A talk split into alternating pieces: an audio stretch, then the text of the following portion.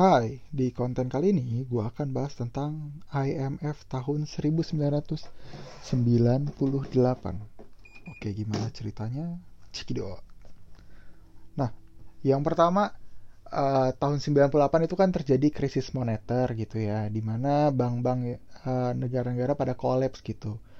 Nah, tapi itu kan lebih ke arah Asia yang kolaps seperti Bangkok, maksudnya Thailand itu yang kolaps gitu. Amerika ya juga ikutan kolaps tapi ya lebih parah di kubu Asia lah gitu. Kalau Amerika tuh the great recessionnya itu yang tahun sebelum 98 the great recessionnya.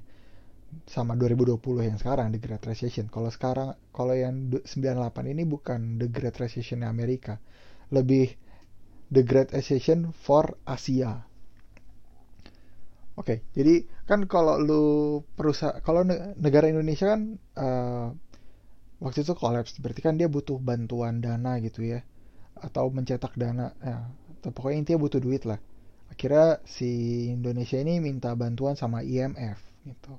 IMF itu adalah institusi internasional yang tujuannya emang buat bantu bantuin negara-negara yang susah gitu secara finansial. Tapi ternyata ya IMF ini uh, kalau kalau ada suatu negara minjem ke IMF, ini kontraknya banyak. Jadi lu nggak minjem duit doang. Kayak konsepnya gini, kalau kalau lu kepinjol gitu pinjaman online atau pakai pay later atau pakai OVO ya, ya udah lu minjem duit atau ke temen lu ya ya udah, eh coy gue butuh sejuta, ya udah dikasih sejuta, ya udah pokoknya gue balikin sekian ya, uh, sekian bulan atau sekian hari bunganya sekian. Udah gitu doang kan kalau lu minjem duit. Nah kalau di IMF itu enggak lu emang dikasih duit tapi itu syaratnya panjang men. Dia akan di mana syarat-syaratnya ini gue baca ini uh, gue sempet cari-cari di Google gitu ya. Kayak artikel-artikel di Indonesia itu nggak ada yang bahas tentang nggak ada satupun artikel kayak kayak Tempo atau apa gitu yang bahas tentang butir-butir kontrak IMF di dengan Indonesia tahun 98. Jadi uh, eh, gue cari di forum-forum aja dan salah satu forumnya di Brandly gue dapet. Oke, jadi uh, isi isinya tuh gini men, art gue bacanya mulai dari artikel 1 ya. Jadi kontrak nomor 1 bahwa IMF hanya berhubungan dengan bank sentral. Oke, okay, it's fine sih. Se artikel 2 intinya bahas tentang IMF itu harus mengikut eh Indonesia itu sebagai anggota IMF harus mengikuti uh, aturan IMF mulai dari harga nilai tukar uang termasuk di dalamnya larangan menggunakan emas sebagai patokan nilai tukar. Oke, ini gue agak bingung sih. Sebenarnya emang mata uang tuh sebaiknya pakai emas, men, bukan pakai per. Kecuali lu udah segede Amerika gitu. Tapi kan lu Indonesia kan bukan segede Amerika, jadi kalau patokannya bukan emas ya gue juga bingung. Nah, kemudian artikel section 3 poin A menyatakan bahwa IMF memiliki hak untuk mengawal wasi kebijakan moneter yang ditempuh oleh anggotanya. Jadi dia memiliki ya punya CCTV lah, punya ya punya bawahan yang tugasnya untuk mantauin Indonesia, termasuk mengawasi kepatuhan negara Indonesia terhadap IMF. Artikel 5 menyatakan bahwa sebagai anggota harus selalu melapor ke IMF untuk menyangkut cadangan emas, produksi emas, ekspor emas, neraca perdagangan internasional dan hal-hal detail. Uh, gini men, gue mau kasih tahu ini menurut gue tuh kayak lu lagi ditelanjangin gitu ya konsep dasarnya ya kalau penggambarannya dari gue soalnya ya mana ya kan ini cadangan emas produksi emas ekspor emas. Itu tuh kayak misalnya nih gue minjem sama Budi gitu duit sama Budi. Terus Budi uh, ya emang gue pasti bakal bayar tapi Budi uh, maunya kontraknya uh, dia tahu rekening gue passwordnya apa terus mutasi duitnya ke mana aja terus gue lagi ngapain duitnya dipakai berapa ya kayak gitu gitu men. Dan itu kan suatu hal privasi ya pribadi gitu. Ya di mana ya kalau buat gue ya ya, ya paling cuma privasi do gue doang yang terancam. Tapi kalau suatu negara negara itu kan sebenarnya konsepnya sebenarnya perusahaan gitu kan. Ketika suatu perusahaan uh, ketahuan duitnya gedenya berapa ini ini berarti kan ke perekonomiannya gimana? Berarti kan uh, di IMF mendapatkan data yang konfidensial gitu ya di mana negara lain kagak tahu itu rahasia aib-aibnya nah IMF tuh tahu aib-aibnya nah di mana informasi itu penting loh di mana eh, info itu tuh bisa dikelola di mana ya lu bisa tahu sektor bisnis apa yang akan berkembang di negara tersebut di Indonesia. Atau perekonomian kurs mata uang Indonesia itu akan melemah atau menguat. Ya intinya ya sebenarnya IMF ini ya menurut gua agak jahat sih kayak gimana dia ngasih duit tapi ini jatuhnya kayak insider trading sih tapi skupnya global jadi nggak bisa ditangkap soalnya kalau insider trading kan itu pasalnya cuma ada untuk ngurusin saham doang kalau kurs mata uang itu tidak ada insider trading jadi kalau menurut gue ini bentuknya insider trading tapi skupnya global dan kurs mata uang oke okay? ya pokoknya intinya uh, Indonesia harus lapor semua keuangannya ke Indonesia ke IMF dan menurut gue itu adalah suatu hal privasi tapi dilampirin ke IMF dan itu ya menurut gue agak riskan sih kayak lu nggak kenal ngasih duit terus tiba minta minta ini maaf ya gue agak muter-muter tapi ya aneh aja gitu anjing. Kan gue yang penting gue udah gue akan bayar dan gue pasti bakal bayar ini jaminan gue lu nggak usah ngatur-ngatur yang penting duitnya buat gue udah gitu doang main kalau minjem duit. Konsepnya kenapa lu harus ngatur-ngatur? Gue harus laporin keuangan lu sekarang gini gini ya aneh menurut gue kemudian uh, ini dibahas lagi pengaruh IMF terhadap kebijakan-kebijakan Bank Indonesia tentunya memiliki dampak bla bla. Oke ini gue skip aja. Oke dan masih ada 50 butir lagi. Jadi itu kan tadi yang gue baca artikel cuma 1, 2, 3, 5 gitu ya. Baru 4 artikel. Dan masih ada 50 butir lagi sebenarnya. Jadi ya empat butir aja gue udah banyak komplain gitu kan apalagi 50 butir. Ya gue bingung sih ini siapa yang bacain kontraknya siapa yang ACC oh ya kalau yang ACC mah gue gue angkat tangan dan ntar gue hilang gitu kan tahun 98 ya presidennya ya gitu. Nah kalau yang baca butirnya gue gak ngerti sih kenapa emang kontraknya nggak bisa di per, per, permudah lagi gitu ya? Menterinya ngapain sih? Emosi gue ya mohon maaf ya. Tapi ya Iya, masa nggak ada kok nggak ada deal yang lebih oke okay lagi sih? Oke, ini kan tadi gue bahas dari forum ya. Sekarang gue mau bahas dari perspektif uh, media yang mewawancarai hmm, salah satu mantan Menko, yaitu Rizal Ramli gitu. Oke, pokoknya intinya IMF akhirnya ngasih duit lah 43 billion dollar tahun 1998 gitu. Pokoknya dikasih. Nah, uh, ketika dikasih duitnya, berarti kan IMF memiliki hak-hak untuk ngaturin perekonomian Indonesia gitu kan, mulai dari ekonomi moneternya dan macam-macamnya gitu. Di mana si IMF ini minta Indonesia untuk melig pertama untuk melikuidasi 16 bank. Kalau lu nggak tahu melikuidasi 16 bank, itu artinya gini aja. Banknya lu delete atau banknya lu bangkrut. Udah, itu simpelnya likuidasi. Itu konsep yang pertama. Yang, yang kedua itu adalah naikin kurs SBI. SBI itu kayak gini loh. Kalau lu tahu kan bunga biasa bunga bank gitu ya biasanya kan ada 4 persenan gitu atau bunga bunga yang kayak depositoan gitu 11 per Nah, dari 11% itu dinaikin, men. Setahu gue sampai 80%. Jadi lu kalau deposito bank zaman 90 96 itu 11% biasanya. Nah, tahun 98 itu 80%. Lu bisa cek sendiri kayak bunga deposito BCA tahun 98 itu ada sampai 80%. Oke, jadi siapa yang minta kayak dinaikin? IMF. IMF yang minta dinaikin bunga banget. Oke, jadi ini gue jelasin ya dasar-dasarnya apa gitu. Kalau dasar yang pertama, bunga bank kenapa sih dinaikin dari 11 sampai 80%? Jadi tujuannya si IMF itu bilang bahwa udah kita naikin aja bunga banknya biar orang-orang tidak panik eh biar biar biar orang-orang tuh yakin kalau dan tertarik untuk tetap ngekip atau naruh semakin na banyak naruh duit di bank konsep yang pertama gitu. Jadi uh, konsep ya ini konsep doang. Jadi konsep sama ya konsep itu teori teori sama lapangan itu berbeda. Ya maksud sama tujuan tertulis sama praktek kan berbeda gitu ya. Nah ini gue bacain tertulisnya aja. Iya, pokoknya intinya bunga bank naik dari 11 sampai 80 persen. Oke, okay?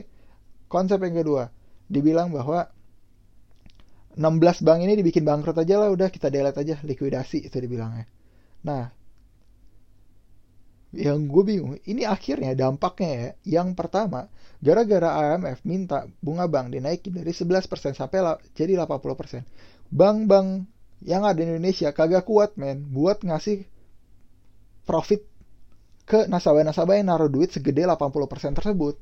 Atau ya 80 kurang 11 gitu kan berarti kisaran 61 eh 69 ya 99 persen ini yang gak ya yang nggak bisa lah. gila 60 persen men. 69 persen dalam setahun gue harus ngasih bunga lebih. Ya pokoknya intinya gue harus ngasih bunga ke nasabah gue 80 persen per tahun. Iya gila aja gitu. Ya akhirnya bank-bank nggak kuat ngasih duit tersebut. Jatuhnya ya bank-bank bakar duit. Jadi dia pakai kasnya dia sendiri untuk ngasih duitnya ke nasabah-nasabahnya lah atau ngajuin pinjaman di mana pinjamannya untuk bakar duit buat ngasih ke nasabah-nasabahnya. Ya intinya itu bukan hal yang sehat gitu. Akhirnya bank-bank ya pada nggak kuat. Akhirnya bank-bank pada kolaps lah. Sampai 16 bank ini harus di likuidasi. Jadi ada 16 bank yang dipilih untuk dilikuidasi dibangkrutin aja. Bank-bank kecil ya. Nah namun, tapi kan meskipun bank itu kecil, ya tapi kan tetap itu judulnya bank. Di mana itu masih di bawah naungan negara meskipun ada yang swasta, ada yang BUMN gitu kan. Nah, alhasil orang-orang gara-gara ngelihat ada 16 bank kecil uh, ditutup gitu terlikuidasi, ya orang-orang pada panik lah. Anjing, si ini habis itu ini lagi bangkrut, ini lagi bangkrut. Wah, bentar lagi bank gede ini bang bangkrut. Uh, akhirnya masyarakat itu pada narik deh baik masyarakat luar negeri dalam negeri uh, itu pada narik duitnya akhirnya ya bank-bank yang gede juga ambruk lah. Nggak punya duit juga. Orang semua udah pada narik duit semua. Ya bank itu berangkasnya nol men kosong. Ya akhirnya perekonomiannya si Indonesia ya makin terpuruk gara-gara hal tersebut. Gitu. Nah ini coba gue gua gua lanjutin ya. Jadi gue baca artikelnya Marif gejolak bla bla bla akhirnya kan duitnya kan cair kan 43 billion dollar nah uh, muncullah uh, di mana duitnya itu dibagi-bagi akhirnya ini tuh persenannya sekian sekian miliar atau sekian triliun buat si ini si ini si ini gitu sampai ada muncul kasus BLBI. Nanti BLBI gue akan bahas lebih lanjut di next part aja. Intinya ada BLB, BLBI ini kayak bantuan likuiditas Bank Indonesia gitu lah. Pokoknya bank-bank yang duit udah nggak ada, itu dibantuin sama negara. Dikasih pinjaman yang bunganya kecil banget atau 0% gitu. Nah, ini disebutkan bahwa uh, bantuan BLBI itu nominalnya 144 triliun. Terus dan biaya rekapitulasi dan ke bank-bank lain diinjeksi 476 triliun di mana 476 triliun itu 188 triliun itu ke bank swasta 288 triliun itu ke BUMN oke oke. Terus berdasarkan ya nggak cuma Rizal Ramli doang ya even sa ekonom PT Samuel juga pada bilang ya IMF ini nggak bener. Gitu. Dan ya ini ada salah satu artikelnya gue ambil dari Tribun soalnya ya gue juga cek di Tempo sih tapi kurang apa ya kosa katanya kurang kurang membumi menurut gue terlalu elit. Oke. Okay. uh, eh, ya bunga ini naikin ternyata dari 18% ke 80% terus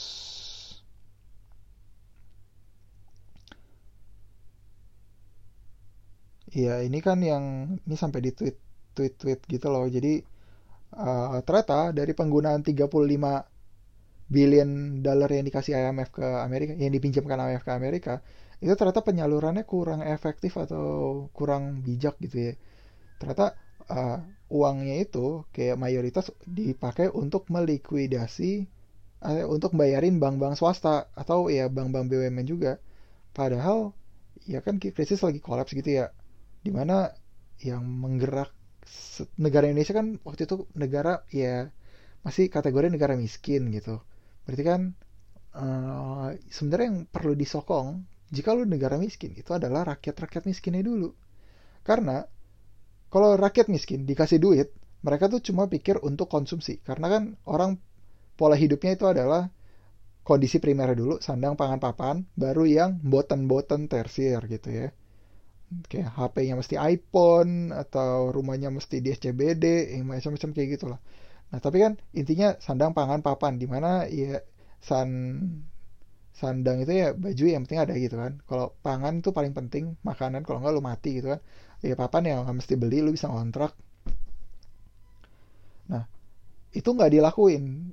Padahal kalau rakyat miskin dikasih duit itu sandang pangan papannya itu pasti di bentuknya jatuhnya kons, konsumtif. Jadi ada perputaran keuangan gitu. Di mana kalau ada perputaran keuangan berarti kan itu ada pajaknya. Kalau ada pajaknya berarti itu bisa jadi income negara. Gitu. Nah sementara ini duit cair ternyata nggak dikasih atau dikasihnya sedikit ke rakyat-rakyat yang miskin. Tapi dikasihnya kepada bank-bank gede yang orang-orang tajir gitu konglomerat-konglomerat yang diselamatin. Nah kalau konglomerat otaknya tuh nggak cuma mikir sandang pangan papan dia tuh mikir botan-botan di mana botan-botan itu adalah yang tersir. Kalau orang kaya mikirnya yang mikirnya tuh sudah terstruktur di mana 10 persennya untuk tabungan, 20 persennya untuk investasi, 30 persennya untuk uh, pengeluaran sehari-hari itu semuanya sudah terstruktur men. Jadi uh, uang yang balik ke negara itu kecil. Atau ya nggak ada sama sekali. Sementara sebaiknya ya kalau lagi krisis ya lu tolongin yang miskin. Karena yang miskin itu kagak pernah mikir buat nabung kagak pernah mikir buat investasi. Mereka cuma mikir untuk hidup hari demi hari. Berarti itu semuanya konsumtif. Kalau semua konsumtif berarti duitnya dipakai secara full murni efektif. Dan ada transaksi dan itu transaksinya ada potongan buat negara gitu. Makanya si Rizal Ramli ini keluar-keluar di Twitter gitu. Sempet dia keluar-keluar marah-marah gitu di Twitter. Tapi ya dia kan mantan menteri gitu ya. Jadi ya nggak ada yang bisa ciduk dia gitu. Ya kecuali kalau ya kalau orang lain gitu ya ya bermasalah sih. Kayak gue gitu ya. Amit-amit. Oke. Nah tapi kan gue nih gue cuma baca-bacain artikel yang sudah terlampir gitu ya. Uh, ini apa? Oh udah. Udah sih sebenarnya itu doang ya yang mau gue bahas ke tentang IMF jadi next time ya mohon Indonesia untuk tidak pakai IMF lagi. Ya mestinya meskipun sekarang Menteri Perekonomian kita Ibu Sri Mulyani dulu dia setahu gue ketua IMF deh. Jadi sebelum dia di bank kan ada sempat ada kasus bank apa itu gue lupa.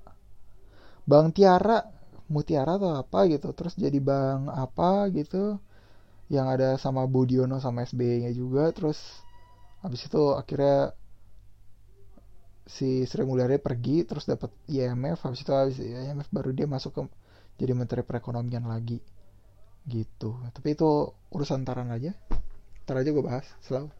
Jangan lupa like comment share and subscribe. Bye bye